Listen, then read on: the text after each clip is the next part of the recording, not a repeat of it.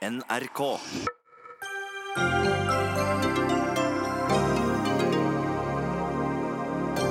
Erna Solberg innrømmer at hun har vært upresis i kommunikasjonen med Stortinget. Statsministeren er nettopp nå ferdig med å svare i dagens kontrollhøring om sikkerhet og beredskap. Mobilnett i Norge skal styres av et gigantisk kinesisk selskap. Det får Senterpartiet til å frykte for sikkerheten. Og Unge Venstre-lederen vil gi kvinner selvbestemt abort helt til fosteret er 24 uker gammelt. Det mener KrF er skremmende.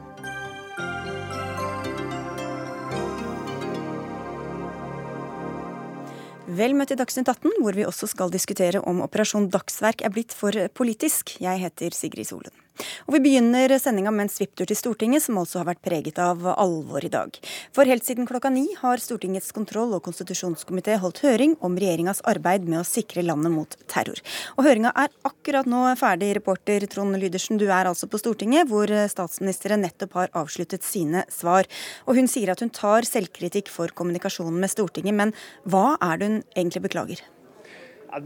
Det hun beklager, er at hun har på en måte vært upresis, at de har latt det dryppe ut litt. At de ikke klarer å holde de målene med objektsikring og den sikkerheten de hadde lovet, slik at det på en måte har framstått som at de ikke har eh, fått det til på så dårlig vis som de faktisk da nå innrømmer, må ha innrømt at de har gjort.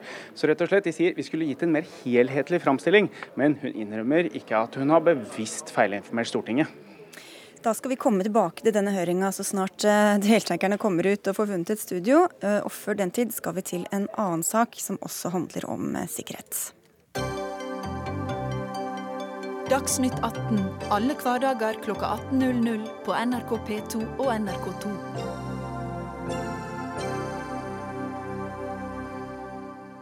For norske mobiltelefonbrukere blir stadig mer avhengig av et kinesisk selskap. For åtte år siden fikk Huawei, et av verdens største mobilnettselskap, kontrakten med å bygge ut hele 4G-nettet i Norge.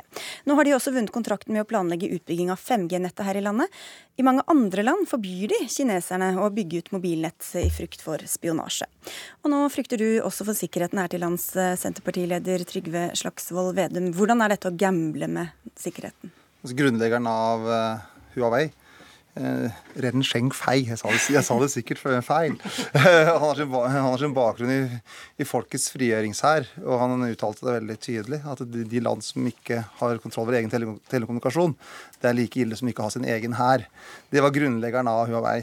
Og jeg synes Vi er veldig naive i Norge uh, når vi har en enorm debatt om at én statsråd har med seg mobiltelefon til Iran. Det blir nesten kriselignende tilstand i norsk media. Mens at vi nesten ikke har debatt om hvem som har kontroll, og hvem som leverer komponenter til det norske telenettet. Eh, og Det er derfor vi mener at vi nå må ha en debatt i Stortinget. Vi bør ha en egen stortingsmelding der vi diskuterer hvordan kan vi sikre nasjonal infrastruktur. Hva er kritisk infrastruktur?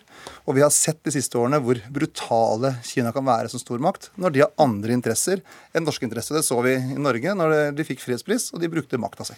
Vi har jo forsøkt og skulle gjerne hatt en debatt, eh, en politisk debatt også i dag, men eh, etter å ha vært i kontakt kontakt med fire departementer og de to regjeringspartiene Høyre og Fremskrittspartiet fikk vi ingen til å stille. Men hvorfor er det sånn at du ikke stoler på at norske myndigheter faktisk har kontroll over hva de eh, setter ut, hva de driver med? Jeg tror vi i Norge har vært for naive over tid. Jeg syns også det er naivt det regjeringa gjør nå når det gjelder norsk anleggsbransje, der de aktivt har gått, til, gått, ut og invitert kinesiske entreprenører for å begynne å bygge vei, bruer, den type struktur i Norge. Og jeg syns vi skal være mye mer bevisst på hva er i vårt lands interesser, og hva er grunnleggende infrastruktur. Og, det, og så blir det sånn, noen ganger sånne debatter i politikken, som vi kaller nesten sånne metadebatter. Så, når det er en eh, statsråd som hadde mobiltelefon til Russland for eh, fem år siden, kriseoppslag eller når en, statsråd har sendt en tekstmelding og russisk telenett, kriseoppslag, mens vi nesten ikke diskuterer de grunnleggende tunge samfunnsstrukturene som hvem som skal kontrollere telenettet. Og så er Kina de er jo brutalt effektive for å sikre sine interesser. Og da skal ikke vi som et lite land være naive, både når det gjelder eierskap av naturressurser, telenett, hvem som skal bygge veiene våre, og hvordan vi skal bygge norske arbeidsplasser. Vi holder oss til telenett i dette, dette tilfellet. Hanne Tange Nilsen, du er sikkerhetsdirektør i, i, Telenor, og som dere altså inngått denne avtalen. Hvordan kan dere føle dere sikre på at ikke her er det informasjon som kan komme på avveie? Først av alt må jeg presisere at det er Telenor som eh, styrer, bygger og utvikler eh, telenettet i Norge. Eller teleinfrastrukturen i Norge. Og det er også vi som drifter. Eh, så det, det Huawei har ansvar, det er å levere utstyr og software til vårt nett. Men vi bygger og utvikler. Vi jobber aktivt med trusselforståelse. Det tror jeg er et viktig element som vi, som vi har gjort over år. Og som vi legger til grunn i vår risikovurdering når vi skal utvikle sikkerhetsbarrierer og sikkerhetsmekanismer. Og det er jo også viktig viktig for eh, myndighetene å ha forståelse for trusselen. Og hva er det egentlig trusselen består i, og hva er det risken består i. Så det kan jeg si meg enig i. At ja, det er viktig at man har den, den diskusjonen og den debatten i myndighetene. Det er en politisk eh, beslutning som er både sikkerhetspolitisk så vel som nærings- og handelspolitisk. Men hva slags kontroll har dere da? Hvordan kan dere være sikre på at dette ikke er informasjon som kan eh, bli misbrukt og komme på avveie? Det er der vi jobber med risiko og, og sikkerhetsbarrierer. Så dette handler om hvilke mekanismer er det vi har på plass i systemene våre? Hva er det vi har på plass eh, på prosessene, og hva er det vi har av menneskelige barrierer? Altså hva er det vi utstyrer av kompetanse på ressursene og bevissthet hvordan de beskytter informasjon. I tillegg så har vi jo, drifter vi, og det betyr at vi overvåker nettet vårt selv. Vi overvåker, og vi har også sikkerhetsovervåkning, og har bygd opp utstrakt overvåkning over nettet. Men er det en større risiko når, når, når et kinesisk selskap er involvert, enn dersom det hadde vært et amerikansk eller et europeisk selskap? Det måtte jo ligge i så fall i den sikkerhetspolitiske dimensjonen at eh, risikoen er større. Eh, det er jo også sånn at eh, europeiske så vel som, som amerikanske bruker kinesiske underleverandører. Så det, det, meste av komponentene som brukes i nett i dag, er, er, levert fra kinesiske leverandører. Nå er det jo også sånn at Senterpartiet satt i regjering da Huawei kom tungt inn på det norske markedet. Hvorfor var det greit den gangen, Slagsvold Vedum, men i dag er det krise? Jeg syns ikke det var greit den gangen heller. Jeg. Dere tillot det i hvert fall. Ja, det tror jeg var uklokt. Øh, og Abraham Lincoln sa jo det i en stor debatt i USA i sin tid, at jeg gikk i mye for en mann som ikke er klokere i dag enn han var i går. Og det, det, Jeg mener at norsk politikk har vært for naive når det gjelder uh, å sikre grunnleggende infrastruktur. Jeg mener det var naivt det som skjedde i 2012 også. Og da bør man ikke gjøre feil en gang til. Uh, når vi nå skal få et uh, eh, 5G-nett. og Derfor vil jeg ha en full debatt rundt eierskap til infrastruktur, hvem som skal ha kontrollen på det. Og Det er den debatten vi kommer til å løfte inn i Stortinget. Og så Nå ser vi at de kinesiske interesser er på inn på så mange flere områder. De prøver å kjøpe landområder i Norge. De, har, de skal begynne å bygge veier. De skal nå, og Det ønsker regjeringen. Og så skal de også ha kontroll over telenettet. Når vi ser hvor røffe Kina kan være, er det klokt for å bygge landet vårt, eller er det ikke klokt? Og vi tror ikke det er klokt, og da må vi tørre å ha en debatt om det. Men, vi skal til deg også, Henning Kristoffersen, du kjenner Kina godt. Hva slags selskap, for å si det først, er det, er det Telenor og de andre også? De Huawei er et eh, gigantselskap eh, etablert på slutten av 80-tallet, eh, og har siden det blitt et av de aller største eh, leverandørene til telekomindustrien. Tatt igjen eh, Alcatel, Eriksson, Alcatel som nå er, er Nokia. 180 eh, ansatte. De leverer til over 170 land. Så det er klart, om Norge er naive, så er de i hvert fall ikke den eneste. Og så er det jo sånn at det er hel, en helt annen oppmerksomhet rundt dette nå enn det var for, for ni år siden. Men det er jo ikke sånn at folk ikke hevet øyenbrynene for ni år siden heller. Og det er jo en vesentlig forskjell. Kina investerer i hele verden nå, og det er jo en vesentlig forskjell forskjell eh, mellom eh, kinesiske investeringer i det som vi kan kalle for kritisk infrastruktur, som har med nasjonal sikkerhet å gjøre, som og det som er kommersiell. Som dette ville gå innunder, syns jeg. Eh, og det er de fleste enige om. Og det å bygge broer og annen type infrastruktur som er mer kommersielle pro prosjekter. Men Betyr det at det er grunn til å frykte for at her kan det komme informasjon på gale hender? Nei, Det som er vanskelig, det er den svarte boksen som vi ikke helt vet. Eh, og så er det sånn at eh, Telenor, Telia, de hevder jo at de har kontroll på det. De drifter systemet. Eh, USA, flere andre land, de stoler ikke på den evnen og muligheten som Huawei eventuelt har, når de leverer da både hardware og software i forhold til basestasjonene i Norge. Hva kan Huawei gjøre når de kontinuerlig oppgradere softwaren f.eks. Hvilke muligheter ligger for eventuelle bakdører som kineserne kan da åpne. Og Det, det kan vi kalle en svart uh, boks. og Andre land stoler ikke på det, og sier da uh, tvert nei til Huawei for å overhodet ikke ta noen risk. Så Det er jo der på en måte uh, risikoen ligger. da ikke om du kan berolige oss her, eh, Nilsen? Jeg kan jo berolige med at uh, først av alt uh, så er det ikke sånn at Huawei leverer alt til infrastrukturen vi har. De er bare én av mange leverandører. Og når det gjelder kjernenettet i mobil og styrende systemer, så er det andre leverandører enn Huawei. Eh, når det gjelder blackbox-problematikk, så vil jo det gjelde absolutt eh, all, eh, alle leverandører vi bruker. Så er det jo et komponent av blackbox. Så det er en risiko vi lever, lever med uavhengig av leverandørland. Men det går, finnes jo også forhold for det, og det er å gå inn og teste, og teste på, på, på hardware-nivå. Men det krever samhandling med leverandør. Og så er det kanskje noen som tenker at dere bare bruker dette for en, å føre en proteksjonistisk politikk, Slagsvold Vedum.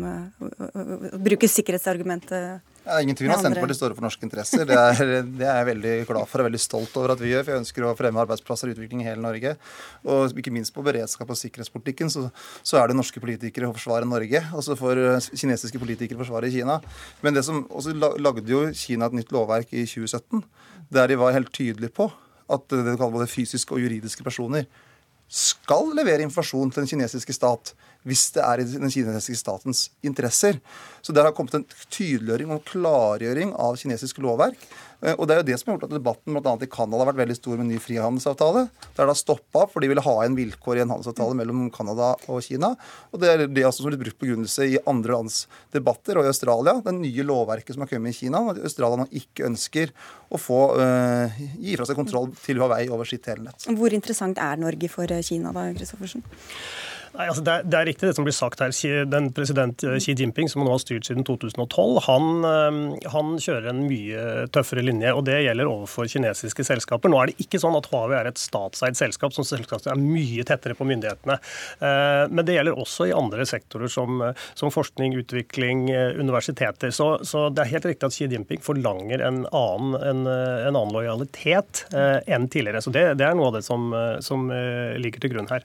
Da får vi bare håpe at uh, medlemmer av regjeringa dukker opp neste gang vi skal diskutere det. Og si takk til dere tre som faktisk kom. Trygve Slagsvold Vedum fra Senterpartiet, som vi møter igjen litt. Henning Christoffersen, som altså kjenner Kina godt. Og Hanne Tange Nilsen, som er sikkerhetsdirektør i Telenor Norge.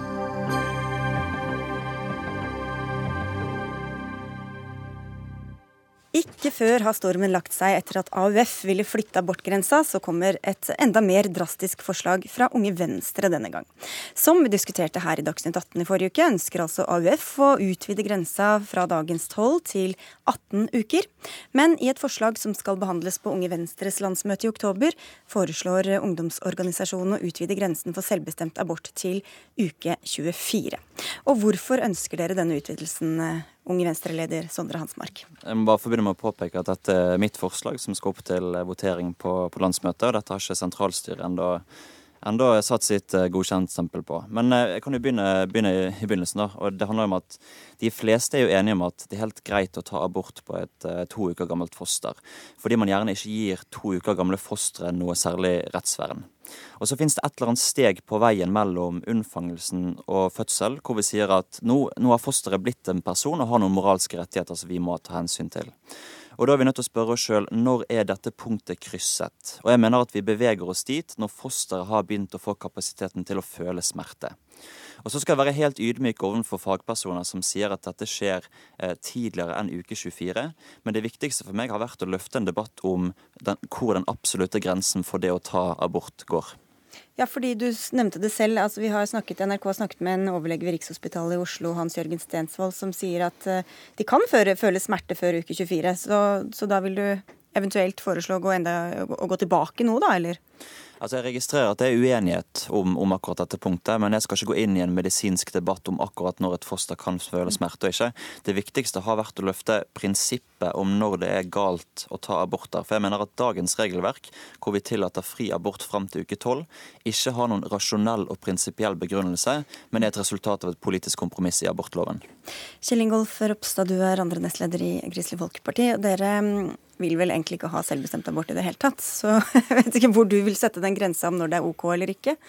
Nei, Vi har jo en tydelig programformulering som sier at vi ønsker å gi barn i mors mage tydeligere rettsvern, samtidig som understreker at vi ikke vil tilbake til nemndene. Men, mens resten av verden utvikler seg, teknologien går videre og diskusjonene egentlig går ikke om å utvide, men heller eventuelt å innskrenke abortloven, så er jo nå diskusjonen først med AUF med 18 uker, som jeg egentlig syns var skremmende nok, og så kommer et forslag om, om selvbestemt abort til 24 uker.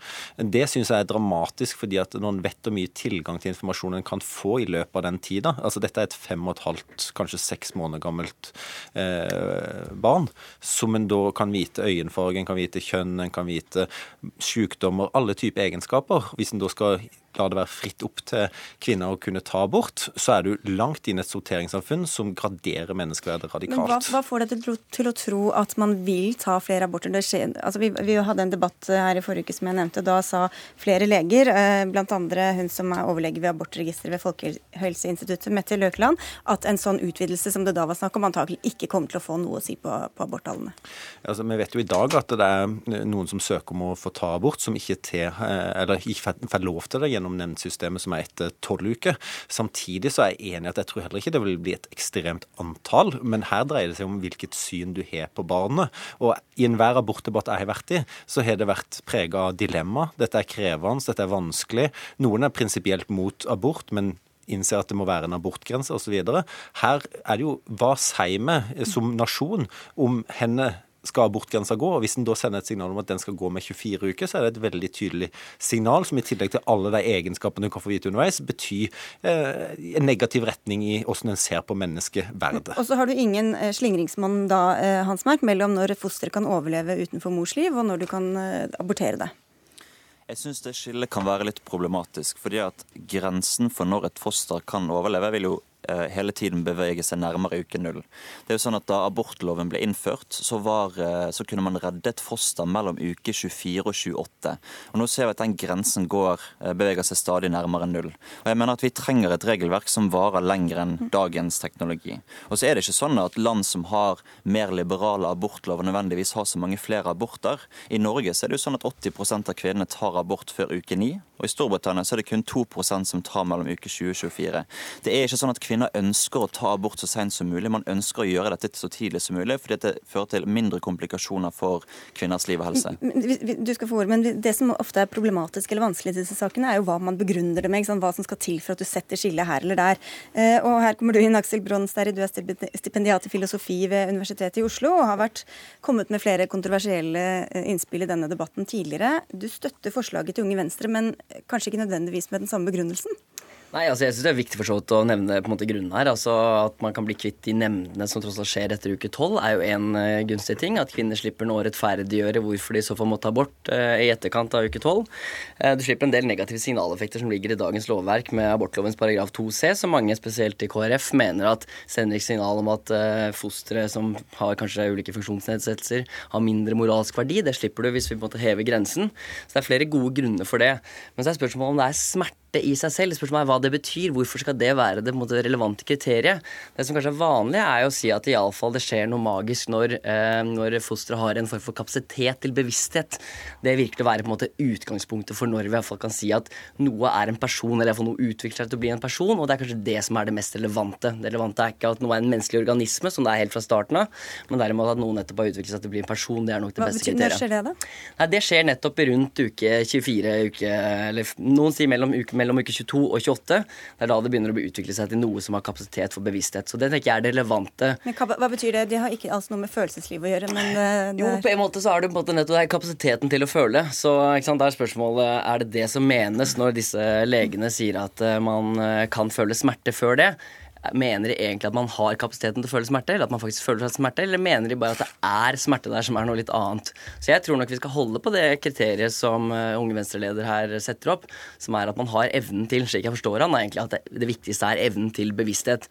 Men så er det vesentlig, tenker jeg, er, for dette er bare et utgangspunkt for når vi i det hele tatt bør begynne å regne på fosterets interesse. Før det så mener jeg at vi ikke bør si at det fosteret har interesser i det hele tatt. Men da begynner det å komme opp fosterets interesser, og de må da veies mot morens interesser. Mm. Eller, fa eller, familien eller uh, samfunnet som helhet. Og her er det vel dere da tar et annet utgangspunkt, Ropsa, fordi dere som du nevnte, også vil ha inn i, har, inn, har i programmet at det er det ufødte livet, eller det er det påbegynte livet, da, som skal ha, ha rettigheten.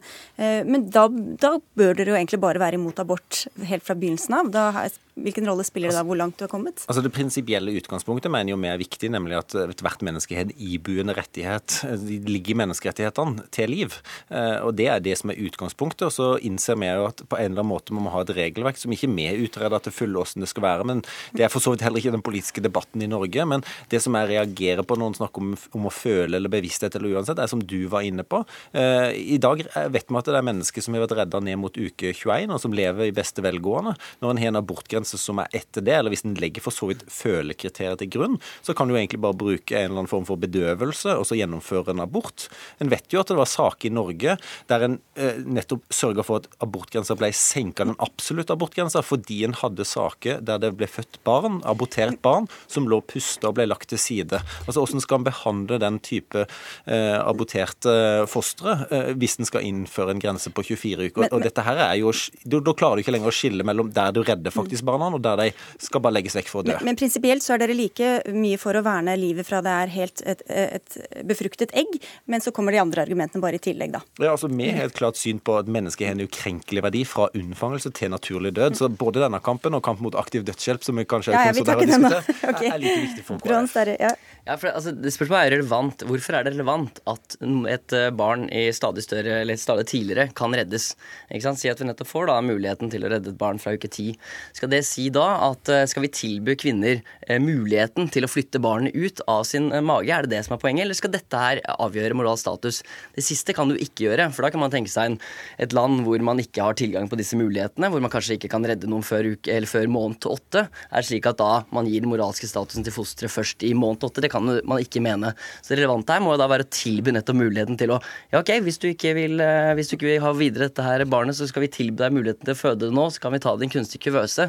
Men det er jo heller ikke det man ønsker seg her. Så jeg syns det er litt merkelig dette å ta opp liksom, det som er litt vilkårlig når vi kan redde et liv. For det er jo ikke disse livene her det er snakk om å redde uansett. Men bare akkurat det at, det at du faktisk kan redde et liv, og du tillater å avslutte livet. Det mener jeg det bør iallfall være et paradoks å være med på å, å, å bringe inn etisk refleksjon i situasjonen. Men ellers er jeg enig i at det er, ikke, det er ikke det som nødvendigvis avgjør. Og, og, vi ønsker jo et helt annet system som i større grad gir barnet rettsvern. Og når teknologien utvikler seg, så mener jeg at alle bør ta det inn over seg, og dermed heller eventuelt senke grensene for når du har eller gi barna jo rett til liv. U uansett så har du helt tydelig stukket uh, hånda inn i et vepsebol her, Hans Mark.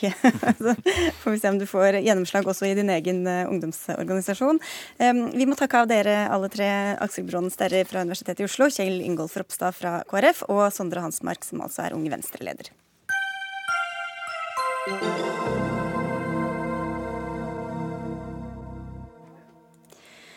Da skal vi tilbake til dagens store sak, nemlig høringa i Stortinget om kriseberedskap og sikkerhet. Nye runder, flere ubesvarte spørsmål, kritikk, kanskje til og med mistillit. Det er jo ikke sikkert at regjeringa er trygg og ferdig med denne saken etter dagens eh, høring.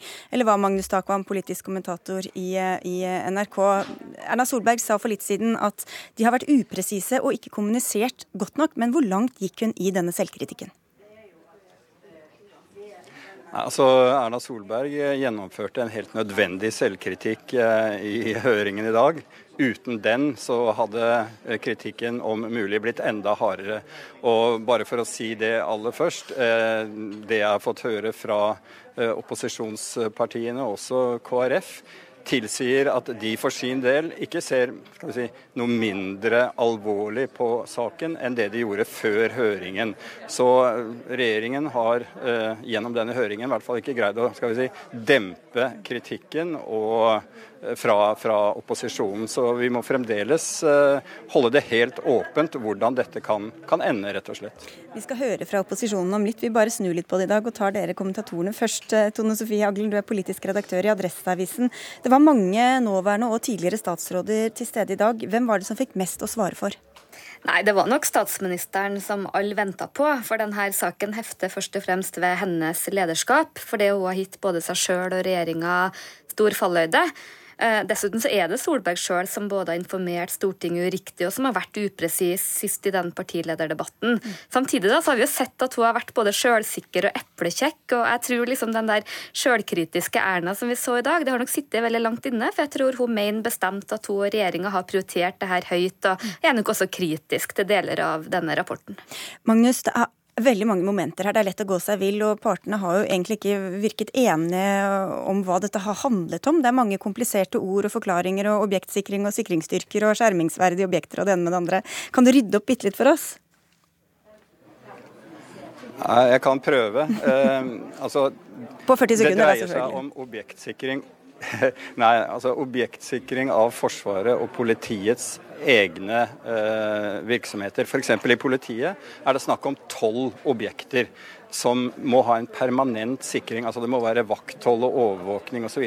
24 timer i døgnet. Av ting som er blant disse tolv objektene, er f.eks. store datahaller. Det er tre operasjonssentraler. Det er eh, la oss si, gisselgruppen som sitter i dag på Grønland eh, politistasjon. Det er eh, bombegruppen som eh, trår til hvis det er bombetrusler osv. Det som er poenget, er at alle denne typen objekter må ha en permanent grunnsikring, fordi de er så vitale for samfunnssikkerheten. Og Det er det bl.a. denne høringen handler om. I tillegg, når du introduserer dette med sikringsstyrker, så er det en god del andre objekter i samfunnet som da dreier seg om kritisk infrastruktur, som eh, strømforsyning, vannforsyning, eh, datasikkerhet osv., Mm. som i en gitt krisesituasjon også må eh, ha sikring ved hjelp av politi og heimevern. Så hvis du ble noe klokere av det, så er det i hvert fall en kort oppsummering. Men, eh, Aglen, de har, de har hatt mange justisministre i denne regjeringa, og flere av dem var altså til stede i dag. Gjør det det også vanskeligere å fordele skyld og, og ansvar? Ja, justisministerposten har jo vært litt det svake punktet til regjeringa og vært veldig mye uro knytta til dem. Og jeg tror nok både uroa og det hyppige skiftet har nok bidratt til at det er blitt enda mer fragmentert enn det kunne ha vært. og at eh, de nok har mangla en så stødig hånd når de virkelig har trengt det. For vi vet jo at justissektoren er særdeles komplisert å styre, med veldig mange ulike småkonger. Og så blir det nok ikke enklere heller av at vi har hatt inntrykk av at det har vært innvandring som har vært den viktigste saken for justisministeren. Så hørte vi altså Magnus Takvam, at eh, Erna Solberg innrømmer at regjeringa ikke har informert godt nok. Men hva blir det avgjørende nå i hva slags konsekvenser det kan få? Nei, Nå skal jo komiteen gå videre med den informasjonen de har fått her. Og de skal også vurdere om de ha, må ha ytterligere høring, lukket høring f.eks. Slik at de har nok fremdeles en del spørsmål eh, som de ikke har fått ordentlig svar på. Eh, det, jeg kan bare si litt om denne selvkritikken til Erna Solberg om eh, det som blir kalt feilinformasjon fra bl.a. SV.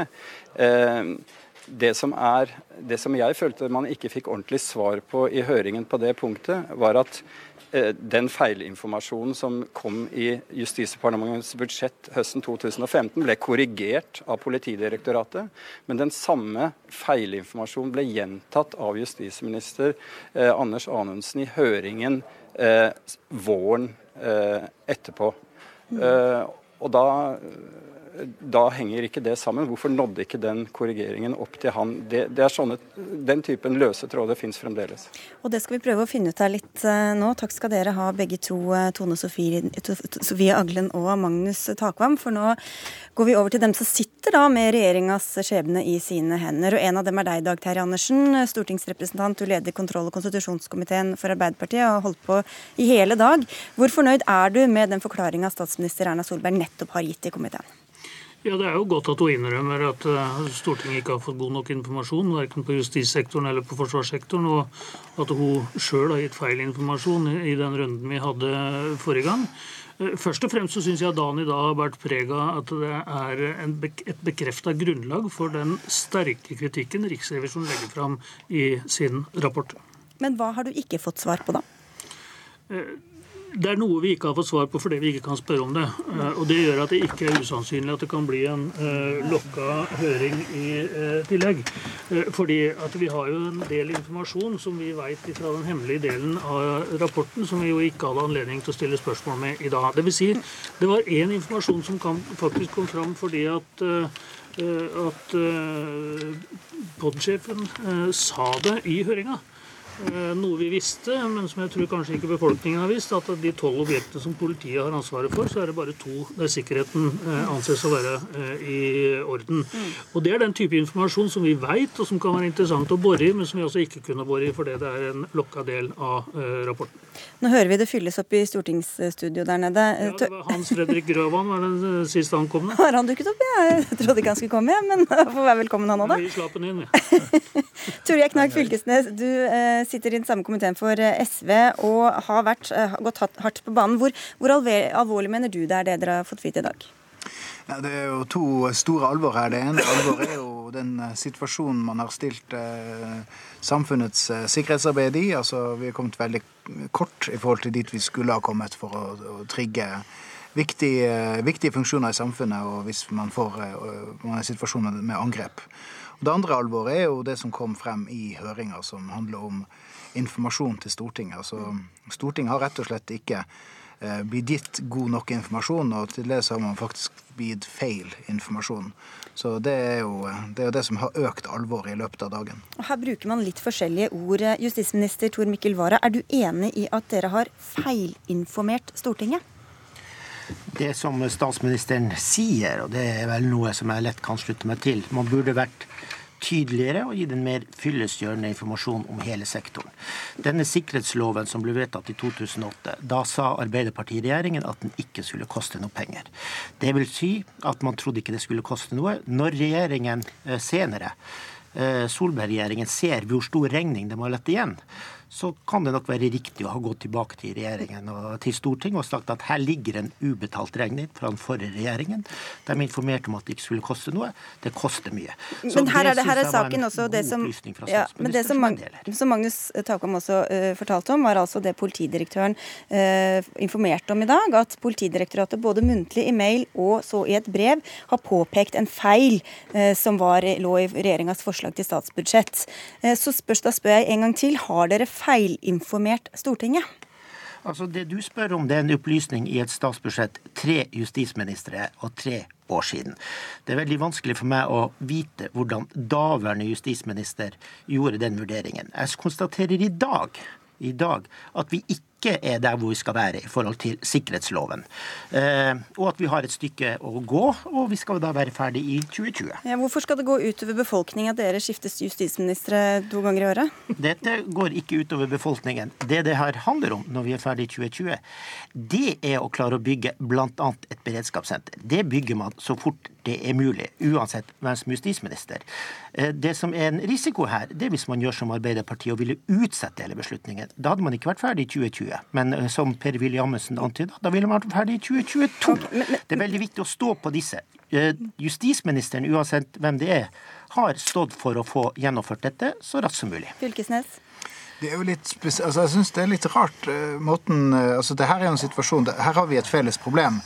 Fordi at vi er kommet mye kortere enn man skulle. Og jeg tror hele Stortinget ville vært villig til å sørge for at man fikk nødvendig finansiering. Men problemet er jo at regjeringa ikke har komme til Stortinget med informasjon om dette. her. Ehm, og heller og har ikke hatt oversikt, har ikke hatt planer. Ehm, og har også da feilinformert Stortinget. Så nå, nå står vi i den situasjonen der, vi, der jeg syns det blir galt av justisministeren å drive på og skylde på tidligere regjering osv. som litt, nesten litt sånn som ungdomspolitikere driver på. Ehm, jeg tror det viktigste nå er at nå får vi kartlagt hva er situasjonen. Eh, og så må vi begynne å ta tak i det store arbeidet med å, å, å, trygge, eh, å trygge, nasjonen. Vara? Ja, altså, og det har vi jo gjort. Den regninga som lå igjen, har vi investert over 7 milliarder kroner i å få på plass. Den siste store investeringen er et beredskapssenter på 2,6 milliarder kroner.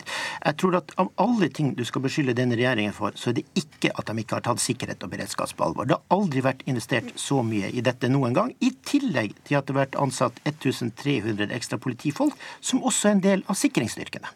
Og så vil du eh, altså ikke svare på om du mener at dere har feilinformert eller Nei, ikke. Nå spør du om hva en justisminister tre justisminister siden og eh, tre år siden svarte. Det men var, var altså, dette ny altså, informasjon det, det, for dere, det som kom fram i dag? Det, det er viktig å understreke at det var ikke mitt konstitusjonelle ansvar. Eh, og jeg kan bare snakke om hva jeg vet i dag, og i dag er man ikke der hvor man skal være. Men har dere, snak, har dere ikke snakket om dette før dere gikk inn i den uh, høringa i dag? Ja, men altså, Jeg forholder meg til det som er mitt konstitusjonelle ansvar. Det er veldig viktig at man gjør det. Og at jeg sånn sett ikke Og jeg er ikke i stand, jeg er ikke i stand til å vite hvilke vurderinger tidligere justisministre ga. Men jeg registrerte at statsministeren sier at den opplysningen som var i den budsjettproposisjonen for 2016-budsjettet, ikke var helt som ikke var fyllestgjørende, og derfor kunne gi et misvisende inntrykk. Ja. Det ser at statsministeren sier. Hun var jo i regjeringen da, det var ikke jeg. Og, og det er kanskje en, en, grei misforståelse, Dag Terje Andersen? At man ikke får med seg alt uh, som kan, uh, kan misforstås, også fra Politidirektoratet? Når det gjelder eh, statsministerens og andre statsråders for så vidt konstitusjonelle ansvar i Stortinget, så er ikke det avhengig av om du har manus eller ikke. Erna Solberg eh, skylder litt på at det var sagt i, i forbindelse med svar på spørsmål. Men en, en, en, statsråd og statsministeren er konstitusjonelt ansvarlig for alt den sier i Stortinget, og har sjøl ansvaret for at det den sier er rett. Men la meg, programleder, få si at eh, nå syns jeg denne debatten den er for alvorlig, og, og jeg syns han tar en trist vending. Vi må huske på at Bakgrunnen for denne saken er et grundig arbeid av den særskilte komiteen under ledelse av Knut Arild eh, Hareide. Det er oppfølging av Gjørv-kommisjonen. Det var altså brei enighet mellom partiene om at det, her er en rekke ting som må skje eh, framover. Det har vært enighet om. Og når Vara nå prøver å gjøre det her til en diskusjon om hva regjeringen for mange år siden gjorde og ikke gjorde, så syns jeg det er litt trist. Jeg syns denne saken fortjener at vi i større grad tar et samfunnsansvar, som Knut Arild Hareide sto i spissen for den gangen. At vi, men at da må vi få korta på bordet. Vi må få greie på hvor lang tid tror dere det tar. Vi må få greie på hvor mye tror dere det koster. Og så må vi ha en real diskusjon om hvordan vi fellesskap skal sørge for at de store store mangler som fremdeles er der, at de blir retta opp. Vi må, ha, vi, må litt, ja, vi må, litt, inn her også, fordi vi har med oss ja, Hva er det du skal få ordet om, om, litt? Skal bare til deg også, Svein Harberg. Du, du, sitter også som første nestleder i kontroll- og konstitusjonskomiteen for Høyre. Bare for å kvittere ut det som vi var innom her i stad med feilinformasjonen, så sier vel du også ifølge ABC Neter at, at regjeringa har gitt feil informasjon til Stortinget? Og statsministeren sjøl var mm. veldig tydelig på og beklagde at hun hadde vært upresis Eh, i svarene sist omkring det som var feilaktig rapportert. Mm. Eh, og, og, det syns jeg er en god selverkjennelse. Eh, og så er det om å gjøre nå at vi har avklart det. Det var feilaktig rapportert. Statsministeren beklager det upresise. Og så er det en annen viktig erkjennelse som jeg syns flere statsråder og, statsministeren var veldig tydelige på. Ja, dette er krevende å fange opp i budsjettproposisjoner i de forskjellige departementene. Der burde vært gitt en mer helhetlig tilbakemelding til Stortinget, slik at vi kunne fange opp hele denne situasjonen og fått disse opplysningene på en annen måte. Trygve Slagsvold Vedum, fortsatt Senterpartileder. Hva syns du om de forklaringene som ble gitt i dag? det som er veldig viktig i denne runden her, at det ikke bare blir en diskusjon om hva en statsråd sa for noen år siden. Det er mange at, diskusjoner i én her. Og det, er det, og det er veldig farlig egentlig sånne runder. For det viktigste er hvordan kan vi gjøre Norge tryggere. Mm. Uh, hvordan kan vi sikre uh, objektene bedre. Hvordan kan vi ha heimevernsstyrker som faktisk kan stille opp rundt på objekter rundt i hele landet. Og Det er det jeg håper at vi klarer å få denne runden i Stortinget til sjuende og sist bli. Ikke bare en diskusjon om hva som sa når, eh, og, hvor klokt det var og hvor uklokt det var. Jeg syns regjeringen har gjort en altfor dårlig jobb. Men da må vi sørge for at vi får noen politiske føringer framover, både når det gjelder Heimevernet, dimensjonering av Heimevernet, og også hvordan politiet er utrusta. Hvis ikke så blir det bare et spill. Og et spill er, jeg, har ikke noe for seg. Men hvis vi klarer å få til konkrete grep, og der mener jeg da at Høyre har gjort noen feil når de har valgt å dimensjonere Heimevernet svakere. For det er de som faktisk har jobben, som skal ut i felt, som skal beskytte objektene. Og da må vi sette av mer ressurser til det og ha flere menn. Ikke færre i, hans, eh, i min motdebattants eh, eget endistrikt. Agder og Rogaland så eh, hadde jeg møte med ordfører der som sa at det skulle nå 2000 færre styrker, ikke flere. Så beredskapen går i feil retning. Og det er det som er det alvorlige. Og vi må ikke gå oss helt blind på hva en statsråd sa. Vi må diskutere hva vil vi framover, og vi må ha en bedre beredskap og et bedre heimevern. Ja, jeg er veldig glad for at uh, Vedum har den vinklingen, for det er jo det som vi skal være opptatt av. Det er å få objektsikringen på plass. Både grunnsikringen og sikringsstyrkene. Og det var veldig godt å høre eh, sjef eh, Heimevernet som sa det i dag, som ikke stemmer med Vedum nå, at de kan faktisk sikre de objektene de har ansvar for. Nå får jeg beskjed om at vi har med oss Trond Lydersen, en reporter som også skal stå sammen med Erna Solberg, så vi skal høre om vi kan få inn Erna Solberg også fra, fra vandrehallen. Erna Solberg har blitt utfordra ganske mye på denne feilinformasjonen selv også har beklaget delvis. Men hvis vi tar litt av det Trygve Slagsvold Vedum har snakket om, da. Han sier at beredskapen i Norge den går i feil retning. Det er jeg ikke enig om på det generelle. og Det er veldig viktig å si at det er i så fall et begrep som er langt videre enn det høringen i kontroll- og konstitusjonskomiteen dreier seg om. Beredskapen i Norge går i riktig retning. Eh, vi har eh, betydelig bedre trent politi. Vi har en beredskapstropp som er økt, som har mye bedre utstyr. Så på veldig mange områder, særlig det som dreier seg om sikring mot myke mål, sikring at politiet raskt kan komme til stedet, så har vi gjort mye. Men vi er jo ikke i havn, særlig ikke på det som heter grunnsikringen av skjermingsverdige objekter som jo er hovedtema for denne høringen. Og så er det noe om den litt sånn dårlige informasjonen du har snakket om. Du, skulle ikke gjøre det stykkevis og delt, du skulle forklart det ordentlig. Hvorfor forklarer man ikke noe ordentlig? Eh, fordi at, som jeg også sa i innlegget mitt, dette er jo en gradvis opplevelse vi har hatt om hvor mye større og mer komplekst dette er. I 2010 så fast, laget man en forskrift. Den er det altså fastsatt at man skulle ha tre år på å nå, og, eh, altså, å komme i havn på. Det har vist seg at det ville ikke vært mulig. Det er ikke bare meg som har sagt det. Her, det sa nesten alle som har vært i, det, i, i dagens høring, at uh, det var urealistisk å nå det. Men det, det har tatt litt tid før vi har sett hvor komplekst, hvor sammensatt og hvor eh, økonomisk krevende det er eh, å få på plass alt som er denne grunnsikringen knyttet til skjermingsverdige objekter. Nå har vi en plan for politiet. Vi jobber i forhold til Forsvaret. Det ligger penger i langtidsplanen for Forsvaret, men eh, vi er jo ikke helt i havn ennå. Så det er jo en av grunnene til at vi burde på et tidspunkt ha ikke gått den stykkevis og delt-biten som vi ofte gjør til Stortinget, hver komité for seg, men en samlet redegjørelse.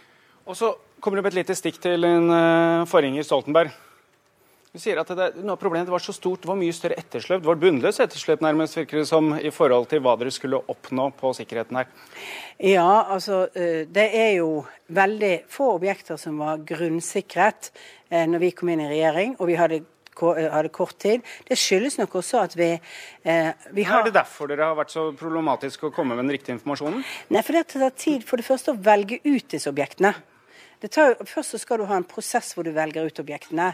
Sier hva er det som er så kritisk innenfor politiet, så kritisk innenfor Forsvaret, at det er skjermingsverdige objekter av nasjonal, altså av nasjonal betydning. Og så skal du basert på det igjen lage planer, du skal sikre det. Eh, og det var ikke en Det var noe som både kostet administrativt arbeid, og det kostet, eh, kostet mye penger. Og det var nok noen mangler i, i forståelsen når man vedtok forskriften, over hvor krevende det var. Tusen takk, Erna Solberg. Og um, det nåværende tallet det er 2025. Og så har hun sagt kanskje hun skal prøve å få det til litt før. Og da skal vi til deg, Hans Fredrik Grøvans fra Kristelig Folkeparti, som uh, kom inn også i stortingsstudio her. Det er jo dere som har sittet med nøkkelen også til, til hva som skal skje videre. Hva, hva skjer nå framover? Altså, nå skal vi ta stilling til den eh, informasjonen som vi har fått i dag. og Jeg oppsummerer den i, i to viktige ting. Det ene er at også regjeringen nå har kjent alvoret i den rapporten og konsekvensene av det som på området når det gjelder objektsikring gjennom dagen i dag. Eh, ingen har imøtegått Riksrevisjonens rapport. Og det andre er at eh, regjeringen har tatt selvkritikk på at eh, det har vært mangelfull, ufullstendig informasjon. Så må vi sette oss ned og vurdere om det er behov for en ny høring. Vi må vurdere innholdet i det som er sagt, før vi kan, kan konkludere. Men jeg syns vi har fått fram viktige erkjennelser som viser at det vi snakka om, at det var lagd et pynta bilde av situasjonen, det viser seg at det er det i stor grad av enighet om, også fra statsministerens side i dag. Torgeir Knag Fylkesnes fra SV, dere har ymta frampå om mistillit tidligere. Hvor står den saken nå, etter eh, dagen i dag? Nei, Vi mener jo at både i forhold til eh, at arbeidet her har tatt så kolossalt lang tid, eh, langt over fristene og, og lovens krav, og i dag i tillegg den feilinformasjonen som Stortinget har blitt har fått fra, fra regjeringa, så mener vi at saken er i utgangspunktet såpass alvorlig at det må vurderes i forhold til det. Men så eh, ønsker ikke vi å, eh, å, hoppe rett i det før vi virkelig har kommet skikkelig til bunns i denne saka. Jeg tror eh, vi må få kartlagt alt, alle sider ved saken. Altså hvordan kunne dette skje?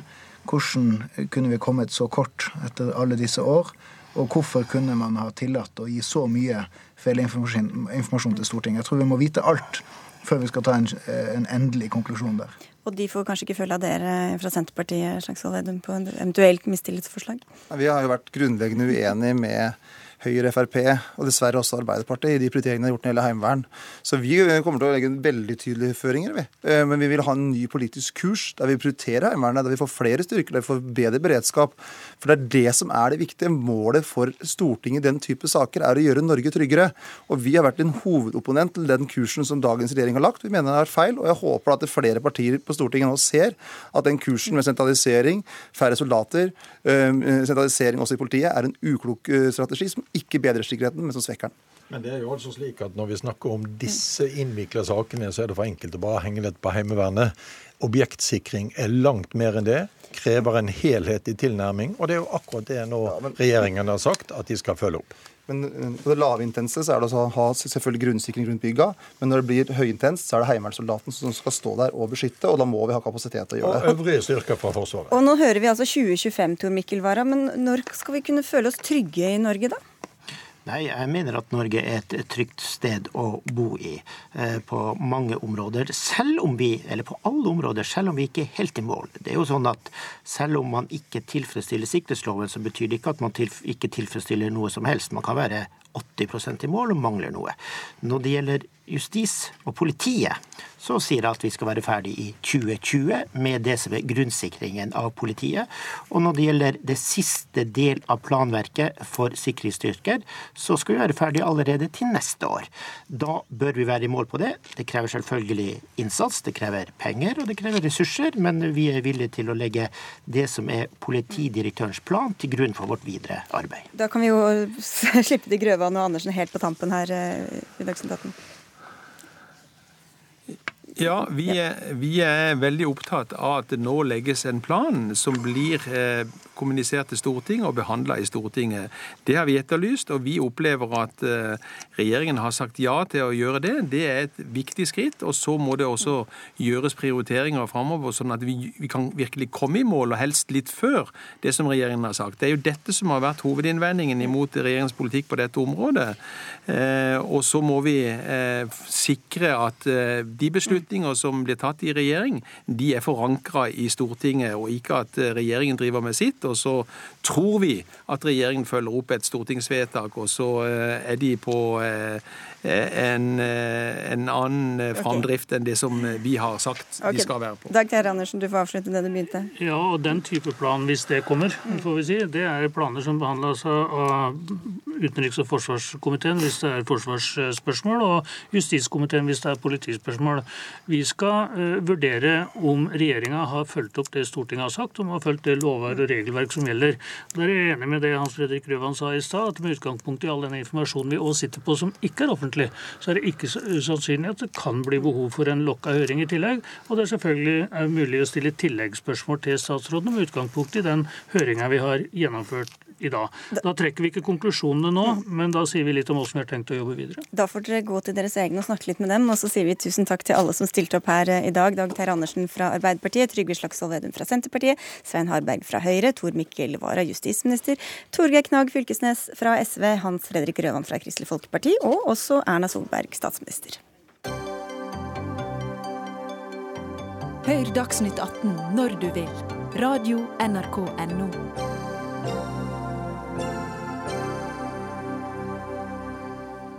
Når den årlige Operasjon Dagsverk-dagen kommer denne høsten, skal norske elever jobbe én dag for å samle inn penger til ungdom i Palestina. Men det er ikke ukontroversielt. Ervin Teigen, du eh, var med i Operasjon Dagsverks distriktskomité i Nordre Nordland, men du trakk deg. Hva var det som skjedde? Eh, jo, det var rett og slett det at jeg ikke ønska å frata ungdom retten til å skape sine egne meninger.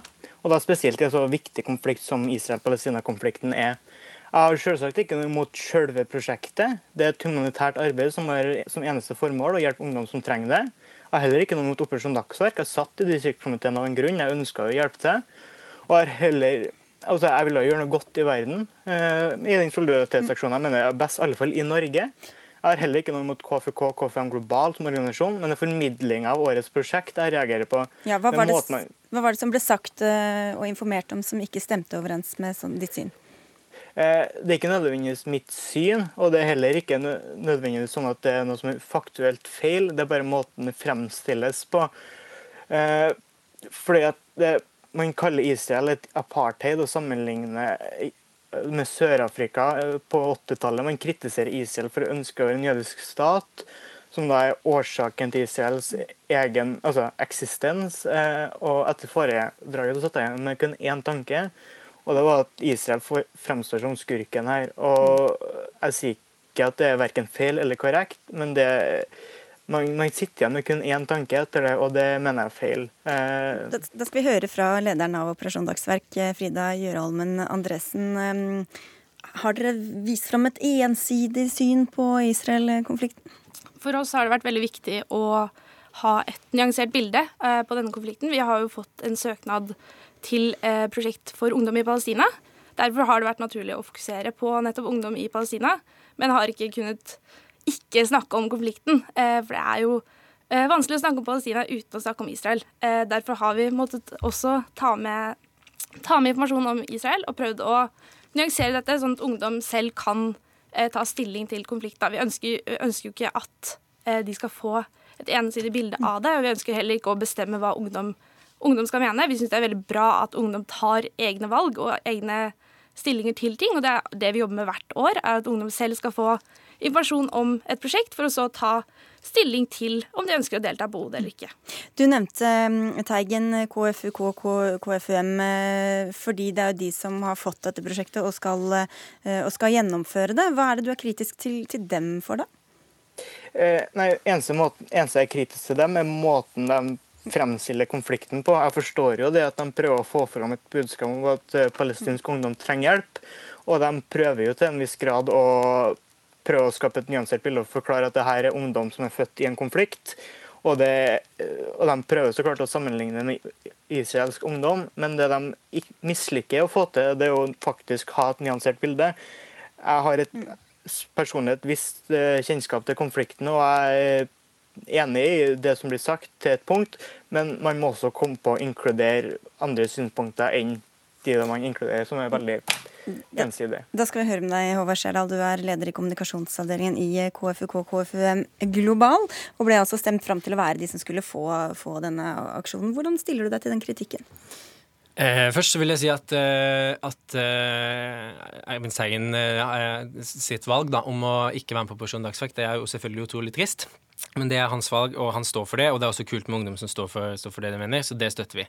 Og så stiller vi oss litt uforståelige til den kritikken som han fremmer mot oss og mot, mot Operasjon Dagsverk. Fordi at det prosjektforedraget som vi har fremført, og som er det foredraget som denne informasjonen baseres på, er et foredrag eh, som snakker om, hovedsakelig om ungdom i Palestina og deres situasjon. Og som Frida sier, så er det selvsagt også viktig å gi et historisk og, og politisk innført innføring i det. Eh, og da har vi brukt kilder som Store norske leksikon, FN og eh, norske skolebøker for å kunne gi et mest mulig eh, ryddig bilde av det som foregår. Og dette er jo informasjon som går ut til veldig veldig, veldig mange ungdommer, som alle sikkert kjenner til når de ser folk selge boller på gata eller på annet vis gjøre et eller annet dagsverk. Vebjørn Selbekk, du er redaktør i Dagen og har også engasjert deg på, på lederplass bl.a. Du sier at dette er en politisering som Operasjon Dagsverk må stoppe. Hva er det som er så veldig politisert? Ja, jeg er jo veldig positiv til Operasjon Dagsverk, og jeg tror både programlederen og jeg har uh, hyggelige minner fra da vi var med på det for noen år tilbake. Uh, men, uh, og Derfor også så syns jeg det er så trist at man ødelegger denne aksjonen dette året ved å politisere den på denne måten. Altså Norske ungdommer, norske skoleelever, er veldig forskjellige både politisk og religiøst, og også når det gjelder synet på Midtøsten-konflikten. Og Det må respekteres, og det ser vi. Det skjer ikke noe, sånn som når eh, Teigen her må, må trekke seg. Og Der som hunden virkelig ligger begravet, etter min mening, det gjelder jo nettopp KFUM, KFUK.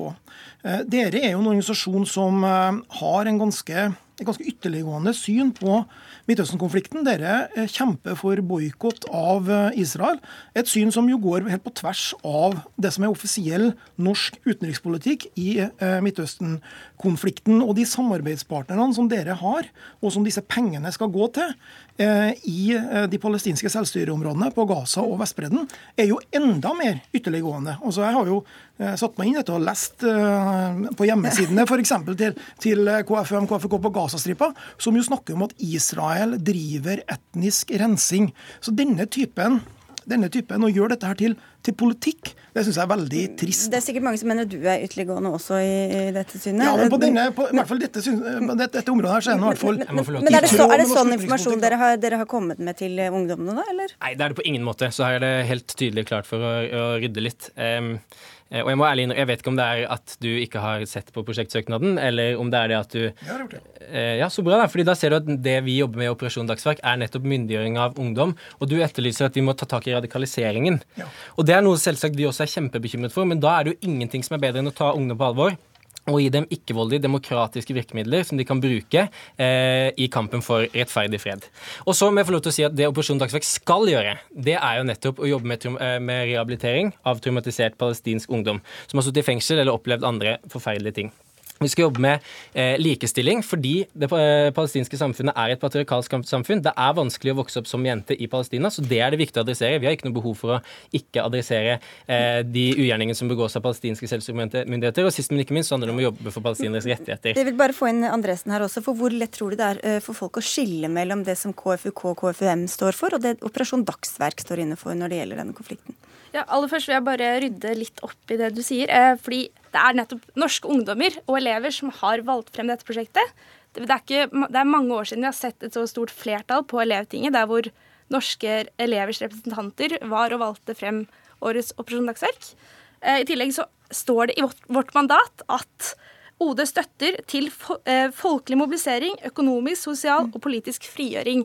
Eh, så dette prosjektet burde heller ikke være så veldig kontroversielt, for det er nettopp det vi alltid jobber med. Og det er ikke det eneste politiske prosjektet dere har holdt på med de siste årene? Nei, eh, våre prosjekter handler alltid om å gi ungdom muligheten til å påvirke samfunnet.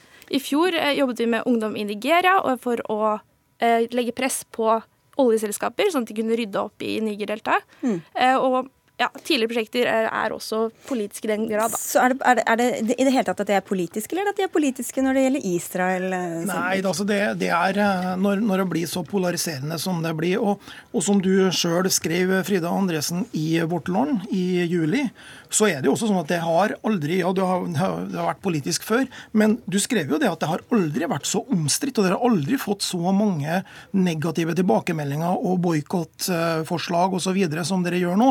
Så det er, jo, det er jo ikke helt uh, rosenrødt, dette her. Men Er det noe i det selve prosjektet du reagerer på, eller bare ja, generelt holdningen eh, hos eh, arrangøren? Det, det, gjelder jo spesielt eh, valget av samarbeidspartner. Det går an å finne samarbeidspartnere som jobber for palestinsk ungdom, uten å ha denne boikottslagsiden som, som KFUM både i Norge har, og som KFUM, KFUK på Gazastripa og på altså, Vestbredden har. Det hadde, det hadde gått an. Jeg støtter at man jobber med palestinsk ungdom. De har, de har, kjempestore utfordringer, ikke minst med islamistisk radikalisering, terror, ting som dere, ting som dere Helt. Men helt, det er jo det som er hele essensen i prosjektet vårt. Kjære vene. Når, Selbekk, når vi er i en situasjon som er så vanskelig for så mange millioner palestinske ungdommer, eh, og de ungdommene blir utsatt for et enormt press, så har de ungdommene, slik våre partnere forteller det, tre muligheter. De kan bli apatiske og ikke gjøre noen ting. De kan bli radikalisert og bli voldelige, eller de kan velge ikke-voldelige, demokratiske virkemidler for å jobbe for fred i regionen. Det er det vi gjør i Operasjon Dagsverk. Hva mener du er alternativet til det? Ja, det, eh, Alternativet til det er jo å ha et, et, eh, et, større og mer enhetlig syn på konflikten. Det at det ikke bare er Israel som er den store, stygge ulven her. Eh, og, og det, når, det når, jeg leser prosjektsøknaden og sånne ting, så ser jeg ingenting om det. Ser ingenting om de problemene, f.eks. at Gazastripa her, som dere skal jobbe på, er styrt av en terrororganisasjon. Det, Men hva er alternativet det, til å ikke være til stede på Gazastripen? Det, det er at Hamas styrer alene og være der og okay. jobbe for rettighetene til de palestinske ungdommene er viktig. Ja, nei. Eh, veldig trist at man, eh, at man, er med på å ødelegge en veldig eh, fin aksjon. Og Jeg håper at man neste år kan finne et uh, mer samlende prosjekt. For det fortjener Operasjon Dagsverk. Er du redd for at ungdom skal få negative bemerkninger eller spørsmål når, når OD-dagen faktisk kommer? Jeg er bekymret for at voksne mennesker skal komme og angripe med kommentarer på OD-dagen. Det håper jeg folk lar være. Jeg håper man støtter de ungdommene som har lyst til å skape rettferdighet for andre ungdommer eh, i andre deler av verden. Eh, og I likhet med alle andre OD-prosjekter. Det skal jeg høre med deg helt på tampen, Ervin Teigen. Kommer du til å delta, eller eh, har du trukket deg for godt? Eh, jeg må nesten ta en beslutning på det. Men det, jeg har jo veldig lyst til å hjelpe prosjektet her, for det er jo et godt humanitært arbeid som skal utføres. Men jeg vil, jeg vil likevel ikke til, stå bak den fremstillinga man har av Israel-Palestina-konflikten. Du har, du har noen uker igjen å tenke deg på. Tusen takk skal dere ha alle fire for at dere kom. Vi må slutte runde av for i dag. Anne Katrine Føli, Eli Kyrkjebø og jeg, Sigrid Solund, ønsker en fin kveld videre.